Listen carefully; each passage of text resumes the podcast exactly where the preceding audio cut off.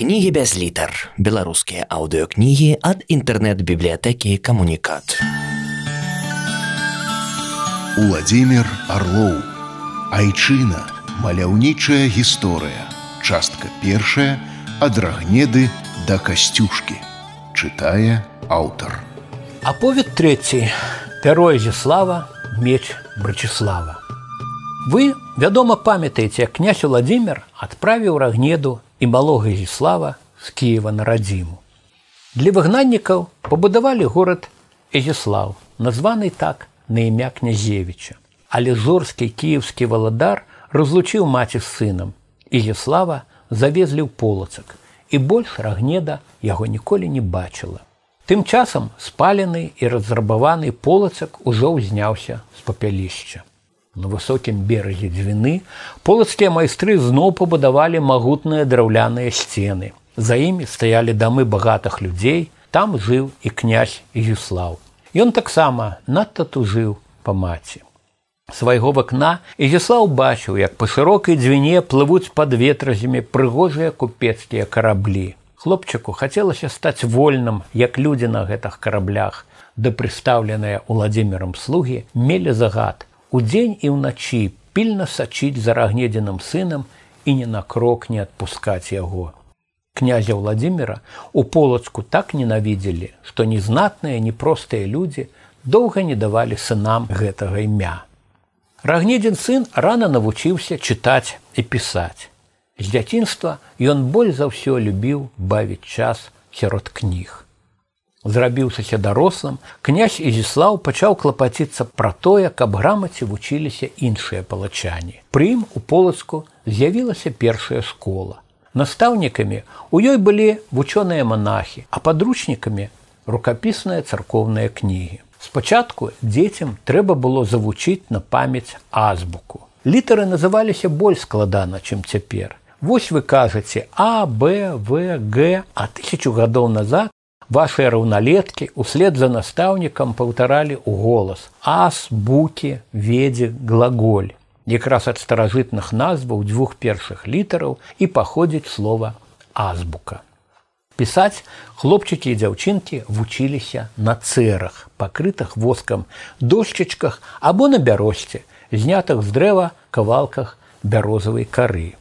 Літары выводзілі драўлянам альбо касцяным пісалам, адзін канец у якога вострый, а другі тупы і шырокі. Асабліва зручна было пісаць пісалам на васкаваных дошчачках. Калі зробіш памылку, дык можна хуценька загладзіць воск тупым канцом і напісаць правільна. Князь Ізіслав пачаў збіраць першую ў Беларусі бібліятэку. Кніг тады было мала і каштавалі яны надта дорага. За прыгожа перапісаную і аздобленую кнігу маглі аддаць цэлы статак коней. Друкаваць кнігі людзі яшчэ не ўмелі і кожную з іх перапісвалі ад рукі. Продкі пісалі не на паперы, а на пергамені, які майстры выраблялі з тонкай целячай скуры. Чарніла рабілі з адмысловых тоўчаных арэхаў за двару дубовай ці альховай кары, жалезныя іржы. У руках перапісчык трымаў гусінае або лебядзінае перо. Каб напісаныя радкі хутчэй высыхалі, іх прысыпалі пяском. Гэта была складаная цяжкая праца, а таму перапісчыкаў вельмі паважалі і цэнілі. Цудоўна сказаў пра іх наш паэт Максім Богданович. На чыстым аркушы прад вузенькім вакном прыгожа літары выводзяць ён пяром, устаўляючы паміж іх чорнымі радамі чырвоную страку, усякімі цветамі, рознакалёрнымі галоўкамі звяроў і птах нявіданых з пляценнем завіткоў ён пакрашае скрозь. Даволі ёсць знароўкі, свае шватварныя, застаўкі і канцоўкі і загалоўкі ўсе, няма куды спяшыць. Парой ён спыніцца, каб лепей завастрыць пяро гусінае і гляне светла сонца стаўпамі падае праз вузкае ваконца і круціцца ў іх прыгожы лёгкі пыл як сіневаты дым невідзімых кадзіл рой хмарачык плыве шырокімі кругамі ў небе ластаўкі шыбуюць над крыжамі як жар гарачымі а тут каля вакна маліну капяе і стукае жаўна і зноў ён схіліцца, а застаўку зноў выводзіць неяркім серабром. Нячутна дзень праходзіць. Магчыма, кнігі перапісваў і сам добраадукаваны князь Ізіслаў. Летапісы называюць яго кніжнікам, а мы асветнікам. Асветнік гэта чалавек, які дбае, каб яго народ быў пісьменны, каб любіў кніжнае слово, жыў у добрай згодзе. Полацкі князь Ізіслаў быў першым беларускім асветнікам. У князя Ізіслава падрастаў і набіраўся сіл сын Брачыслаў. Паводле старога звычаю крывіцкія князі ў тры гады садзілі сыноў на коня, у сем гадоў аддавалі ў навучанне грамаці, а ў 12 бралі на вайну. Ізіслаў паспеў толькі навучыць хлопчыка ездзіць на кані, даў патрымацца за меч, ды паслухаў, як жвава ды ўпэўнена, малы чытае рукапісную кнігу. Узяць князевіча ў паход ён ужо не змог. Князь Ізіслаў памёр маладыя гады. Шмат хто з палачанаў думаў, што яго атруцілі падасланыя уладзімерам кіеўскім людзі. Магчыма, так і было, бо ў Киеве баяліся, што полацкае княства зноў стане свабодным. Барчыслав застаўся сіратою. Ён быў адзіным жывым рагвалодавічам, нашчадкам першага ўладара нашай старажытнай дзяржавы рагвалода. Полацак бярог свайго маленькага князя і глядзеў на яго з вялікай надзеяю. Выхоўваць хлопчыка даручілі самым мудрым і паважаным баярам. Яны не шкадавалі сіл на тое, каб Барчыслав рос дужым і спрытным, разумным і справядлівым, каб боль за ўсё на свеце любіў полацкую зямлю. Кожны дзень юны князь садзіўся на коня, старанна займаўся практыкаваннямі з мячом, вучыўся кідаць дзіду і страляць з лука. Палачане марылі, што Брачыслав разаб'е ворагаў і верне іхняму княству незалежнасць. Князь вырас і стаў добрым палкаводцам і мудрым палітыкам. У гэты час у Киеве валадараў уладзіміраў сын Ярослав. Яму дужа не падабалася, што полацкае княства набірае сілу і ўжо не выконвае ягоных загадаў. Кіев задумаў напасці на полацак. Брачыслав даведаўся пра гэта ад верных людзей і сабраў баяраў на раду.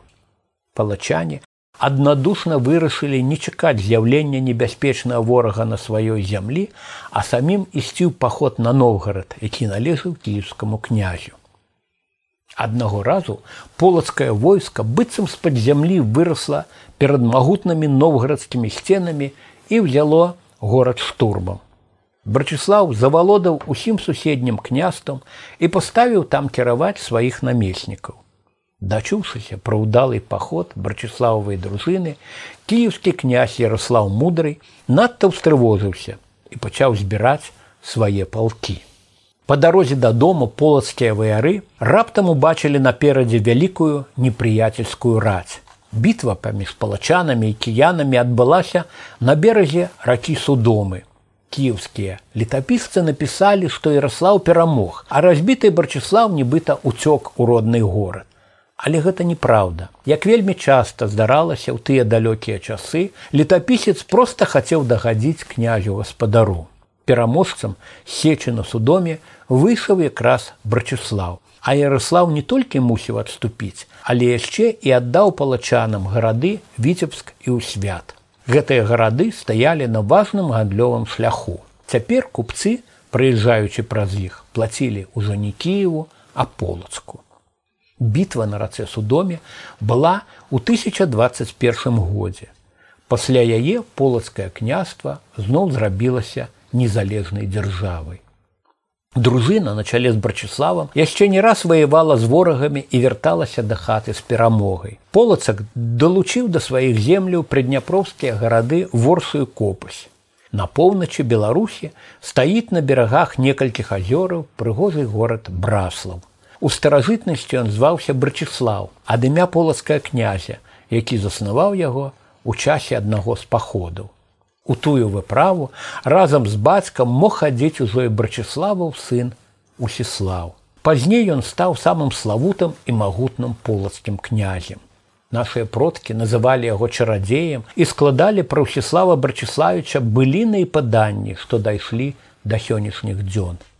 Пра гэтага князя, якога лічылі чараўніком, гаворка у наступным апавяданні.